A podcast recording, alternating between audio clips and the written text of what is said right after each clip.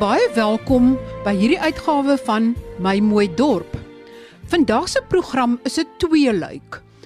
In die eerste deel gesels ek met Dr. Braam Hannekom, hy's direkteur van die Sentrum vir Publieke Getuienis. En omdat hy en sy groep ook al die paadjie gestap het om dorpe en gemeenskappe te probeer help deur gespreksforums te fasiliteer by meer as 40 dorpe, het ek kers opgesteek by hom in 'n vorige program. En nou wil ek net daardie gedeelte afsluit deurdat hy vertel wat die lesse is wat hy geleer het in hierdie projekte wat hulle reeds aangepak het. In die tweede deel van die program gaan ek afskop met 'n kort reeks oor elektrisiteitsvoorsiening van 'n dorp of 'n gemeenskap. In hierdie deel kan jy luister na enkele uittreksels uit 'n baie interessante gesprek op Praat Saam waar hulle net Fransis 'n onderhoud gedoen het met Antonet Slabbert, 'n sakejoernalis van Rapport. Ek het ook verder met haar gesels sodat ons in verdere episodes meer kan verstaan van hoe die elektrisiteitsvoorsiening werk, wat die pligte en verantwoordelikhede van 'n munisipaliteit is, hoe mens dalk van die netwerk kan afkom en so meer, alles om jou te bemagtig om beter te verstaan en om beter te kan beplan in terme van elektrisiteitsvoorsiening vir jouself, jou eie woning en moontlik ook vir jou dorp. En ons gaan ook kyk na dele wat regstreeks van Eskom kragvoorsiening kry. Ram, is dit wat julle dan doen en hierdie planne uh, of die oplossings kom uit die gemeenskap vir die gemeenskap. Kry julle dan dat die gemeenskap saamwerk? Die ideaal is dat die gemeenskap saamwerk. Kom ek gee 'n voorbeeld op Sutherland het ons gegaan en ons het na 'n kerk toe gegaan en gesê gee vir ons um 'n stuk of 20, 30 mense. Ons gaan vir hulle elkeen net R100 'n dag betaal. Ek weet nie of dit die minimumloon is nie. En dan gaan ons vir hulle lekker middagete gee en ek het nog 'n borg gekry en sommer 'n paar skoene en klere wat ons aan die einde van die projek gee. En ek het 'n paar borge gekry wat vir ons blikke verf gekry het en kalk gekry het. En gesê nou gaan ons met hierdie spannetjie in die woonbuurt en hulle het ingespring, hulle het gewerk, en ge, op die ouend gevoel maar dis dis ons huisies wat ons nou beter maak. So die ideaal is dat ons saam met die gemeenskap werk en kan ek ook sê jog ons kan eintlik nie meer die spreekwoordelike handouts net meer werk nie. En kan ek ook sê oor die munisipaliteite, dis goed om soms uit moedeloosheid iets te doen, maar ons kan nie die munisipaliteite se werk oorneem terwyl daar miljarde rande aan belasting betaal word nie. Dis nie volhoubaar nie. Die gemeenskap se geld gaan opraak.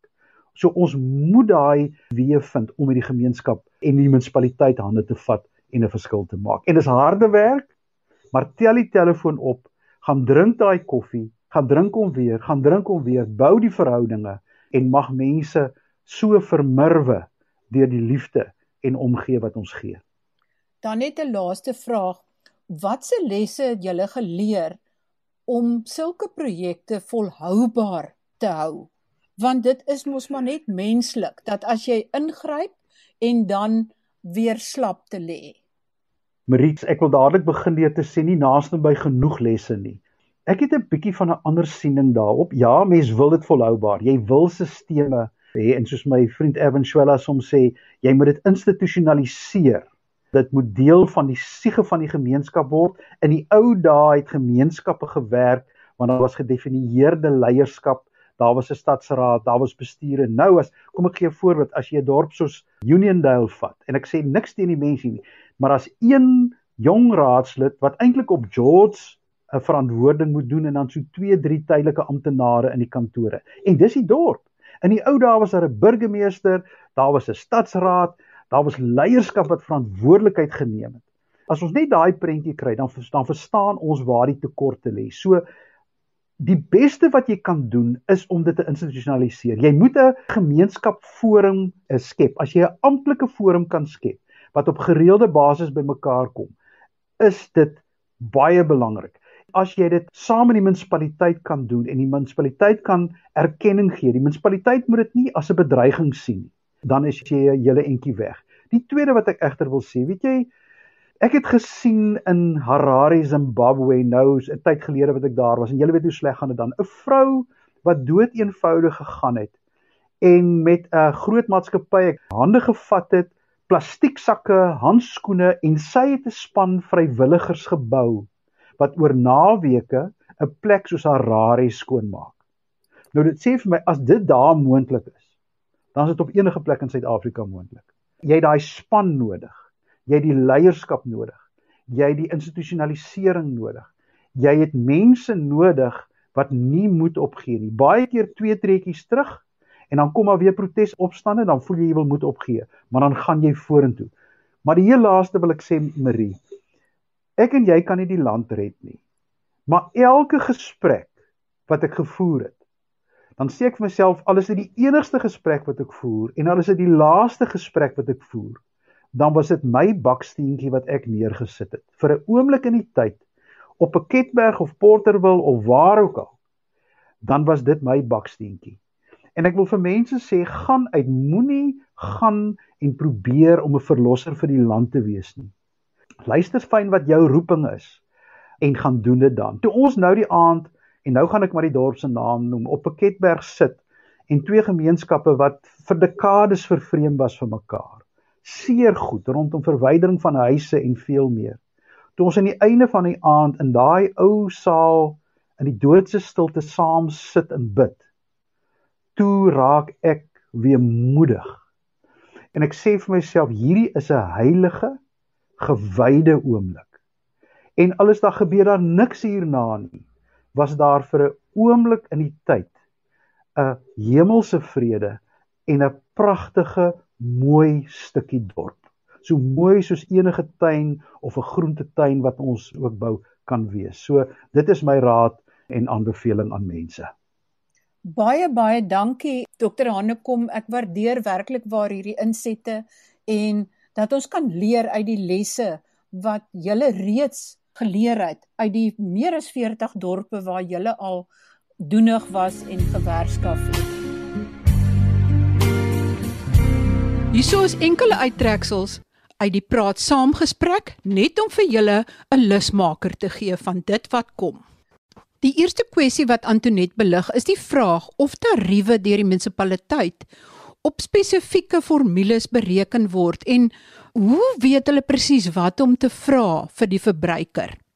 Gewone verbruikers kry net ongelooflik swaar want boonbehalwe die Eskom verhoging is die munisipale pryse of tariewe al hoe meer onder die soeklig en daar is 'n groot skroef los want of hulle Eh, tariewe regtig op koste gegrond is, daar's baie sterk twyfel daaroor. Dan is daar natuurlik die vraag: is munisipaliteite verplig volgens wet om krag te verskaf aan sy inwoners? Dit is 'n baie fundamentele vraag. Is dit 'n reg of 'n plig vir munisipaliteite om krag te versprei? En op baie terreine en in baie howe word daar op die oomblik tot 'n minder of meerdere mate geveg daaroor. Nou ek verstaan dat SALGA, dit is die vereniging van munisipaliteite, eintlik maar die werkgewerorganisasie ook van munisipaliteite dat hulle nou besluit het om die howe te nader vir 'n uh, verklarende bevel sodat die howe vir eens en vir altyd kan uitklaar mag Eskom elektrisiteit versprei of is daai reg eksklusief vir munisipaliteite? Want soos meneer Ryter vanoggend gesê het, is Eskom besig om vir, vir hulle pleit vir ooreenkomste met hierdie sukkelende munisipaliteite dat hulle tydelik die verspreiding oorneem en die munisipaliteit help tot hy weer op sy voete is, maar in die tussentyd wil Eskom dan die elektrisiteitsinkomste vat om daai skuld af te hmm. werk. Mm. En die munisipaliteite van hulle skop verskriklik daarteen. Hulle sê soos dit is, versprei Eskom in groot dele van munisipaliteite se regsgebiede en en dis grootendeels plase en die voormalige townships daar versprei Eskom die elektrisiteit en hulle ontneem die munisipaliteit eintlik van inkomste. In Johannesburg byvoorbeeld wil City Power die verspreiding in Soweto oorneem. En nou is die argument maar City Power is maar redelik, jy weet, sy dienste is maar redelik gebrekkig waar hy is. Mm. Hoe kan hy oorneem? Maar dan sê ander mense weer ja, maar kyk wat 'n toestand is Eskom. So ons is bietjie tussen die duiwel en die diep blou see. Daar is private diensverskaffers wat eh, op agentskapsbasis vir munisipaliteite dit kan doen. Ek verstaan daar is reeds een of twee munisipaliteite waar dit gebeur en dis er, dis redelik suksesvol. Daar's 'n diensvlak ooreenkoms tussen die munisipaliteit en daai organisasie.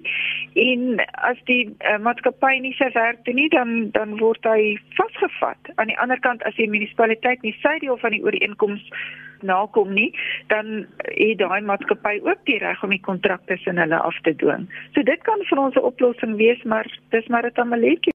En Antoinette het ook raad vir verbruikers.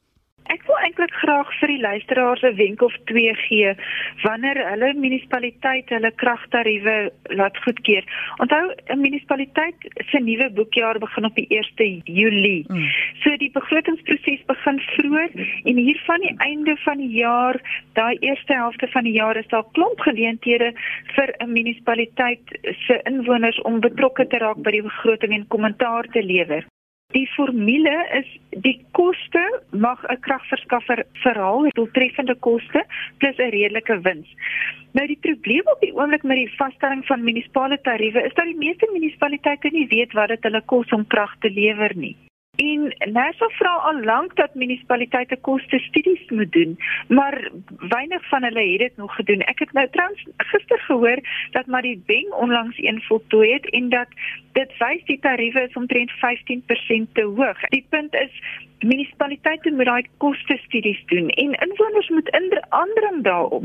Dit vat 'n tydjie om dit te doen soos jy nou begin vuur maak onder hulle gaan dit dalk eers oor 'n jaar klaar wees, maar dit gaan die tariewe op 'n meer realistiese pad plaas.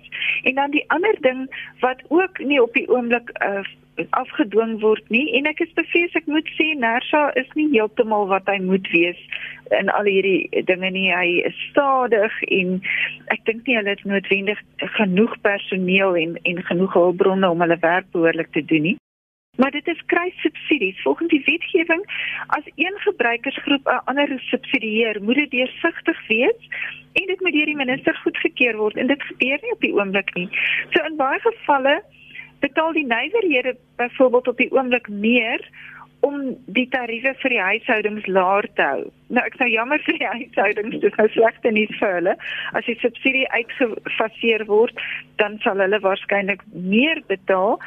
Maar die goed word skeef getrek en ons weet nie eintlik wat aangaan en hoe daar knoei word mm. agter die skerms nie. Ons moet daarop aandring dat ons tariewe op werklike koste gegrond is en dat ons weet wat presies hoe daai tarief saamgestel word en waar daar subsidies is.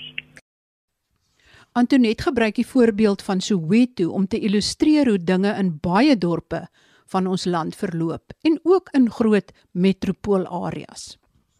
Oor Soweto se kragrekening en die politieke wil en na politieke inmenging, politiek op munisipale vlak Ek is bevrees, dis waar. Elektrisiteitsopwekking, elektrisiteitslewering is in baie gevalle polities 'n warmtetat. Jy sal nou maar sien as 'n munisipaliteit gaan en uh, kredietbeheer doen. Hulle sny nou almal wat nie hulle rekeninge betaal nie se kragtoevoer af. Hulle doen dit fliks tot 'n maand of 2 voor die verkiesing, dan word dit so stil stil 'n bietjie gelos. Ons sien dit keer op keer. Die feit dat eh, daar in Soweto nie regtig opgetree is om die kragrekeninge in te vorder nie. Dis definitief so. Eh, die politieke wil het ontbreek. Ek moet daarom vir Eskom krediet gee. Hulle het die laaste tyd 'n bietjie vorderinge gemaak in Soweto. Maar jy weet, die betaalkoers daar was maar 'n stadium hier by 16%, 13%, 16%. Dis ongelooflik. En dan kry jy dat daar selfs uh, Eskom werknemers is wat deelneem aan die gekonkel. Ek het byvoorbeeld 'n week of twee gelede 'n oproep gekry van 'n kollega van my wat in Soweto bly wat gesê het met wie kan sy praat by Eskom want een van hulle tegnisi het nou gekom en bure se uh, krag te voer op haar lyn kom koppel. So sy betaal nou vir die bure en hulle kom skotvry en hulle gebruik elektrisiteit dat dit klap. Dit is nie druk van ons as verbruikers en kiesers wat 'n verskil sal kan maak aan hierdie tipe van goed. En sy het ook iets te sê oor die lynfooie. Ja, die lynfooie is grootendeels by ehm uh, landbou eiendomme. Mm -hmm. Dit is 'n verskriklike doring in die vlees van ons boere. Die manier waarop Eskom veral met ons boere werk. Is dit sodat omdat al hoe meer mense duurder moet betaal vir elektrisiteit, dat al minder mense dit kan bekostig en wat is die gevolg van hierdie spiraal wat dan in werking tree? Eskom se pryse word al hoe hoër, nou koop ons al hoe minder. En die ironie is dan omdat hulle verkope minder is, kry hulle nie die inkomste wat hulle moes gehad het nie, dan verhaal hulle weer daai uh, verlore inkomste van die paar verbruikers wat nou nog kan betaal. Hulle praat van die doodspiraal. Dit is presies hierdie ding. Uh, en uh, Eskom dink ek is al klaar op daai punt waar hy sy verbruikers verloor omdat ons dit net eenvoudig nie meer kan bekostig nie. Ons kom op 'n punt waar ons ons lewensstandaard moet verlaag. Ons het reeds alles gedoen wat ons kan om krag doeltreffend te gebruik. Nou al wat oorbly is om ons lewensstandaard te verlaag en van ons toerusting wat ons het dan nou maar nie meer te gebruik nie. Het jy geweet Eskom het verskillende tariewe vir die somer en die winter, maar word dit toegepas? Antonet verduidelik. Eskom het verskillende tariewe in die somer en in die winter en van die munisipaliteite het dit nou begin deurgee na kliënte toe. Ehm um, die tariewe is regtig nogal ingewikkeld as jy meer koop dan raak dit duurder. En dit is so, dit is 'n hulle noem dit 'n inclining block tariff of 'n toenemende bloktarief. Kom ons sê die eerste 350 kWh wat jy in 'n maand koop kos argument van daar R1 en die volgende 300 kos R1.50 en dit is om mense aan te moedig om meer doeltreffend te wees maar die uiteinde van die saak is dat dit regtig moeilik is vir 'n verbruiker om die koste te verstaan en om jy weet sy verbruik in 'n maand mooi te reguleer. Maar die kragdiefstal die onwettige verbindings weet jy in Johannesburg is amper 'n derde dis so net onder die 30% van die krag wat hulle kry van Eskom af gaan verlore deur onwettige verbindings, klein bietjie tegniese verliese, maar eintlik krag wat gesteel word. Jene, jy weet as jy gaan kry nuusware koop en 'n derde van die kos wat jy gekoop het verdwyn net. Mense kan mos nie vorentoe boer op daai manier nie. So dis deel van algemene wetteloosheid in ons land en ook uh, meters wat nie ordentlik werk nie en al die tipe van goed. En die enigste manier hoe munisipaliteite en Eskom dit kan regkry is maar soos die spreekwoord lei jy hoe eet jy 'n olifant happie vir happie. Jy moet elke dag elke plek waar jy 'n lekkasie kan toestop, moet jy dit doen konsekwent of daar verkiesing is of nie, wat ook al die omstandighede is, jy moet jou vinger op daai ding hou want as daar derde verlore gaan dan beteken dit dan nie die res van ons moet meer betaal om daai verlies te subsidieer. As ons die ondoeltreffendheid uit hierdie stelsels kan kry, dan gaan ons al 'n hele ent verder wees in hierdie land.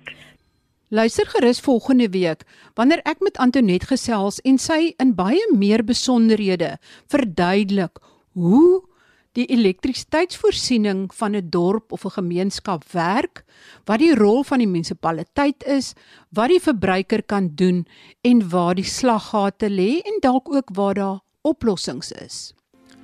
Tot volgende week dan. Groete van my, Marie Hansen.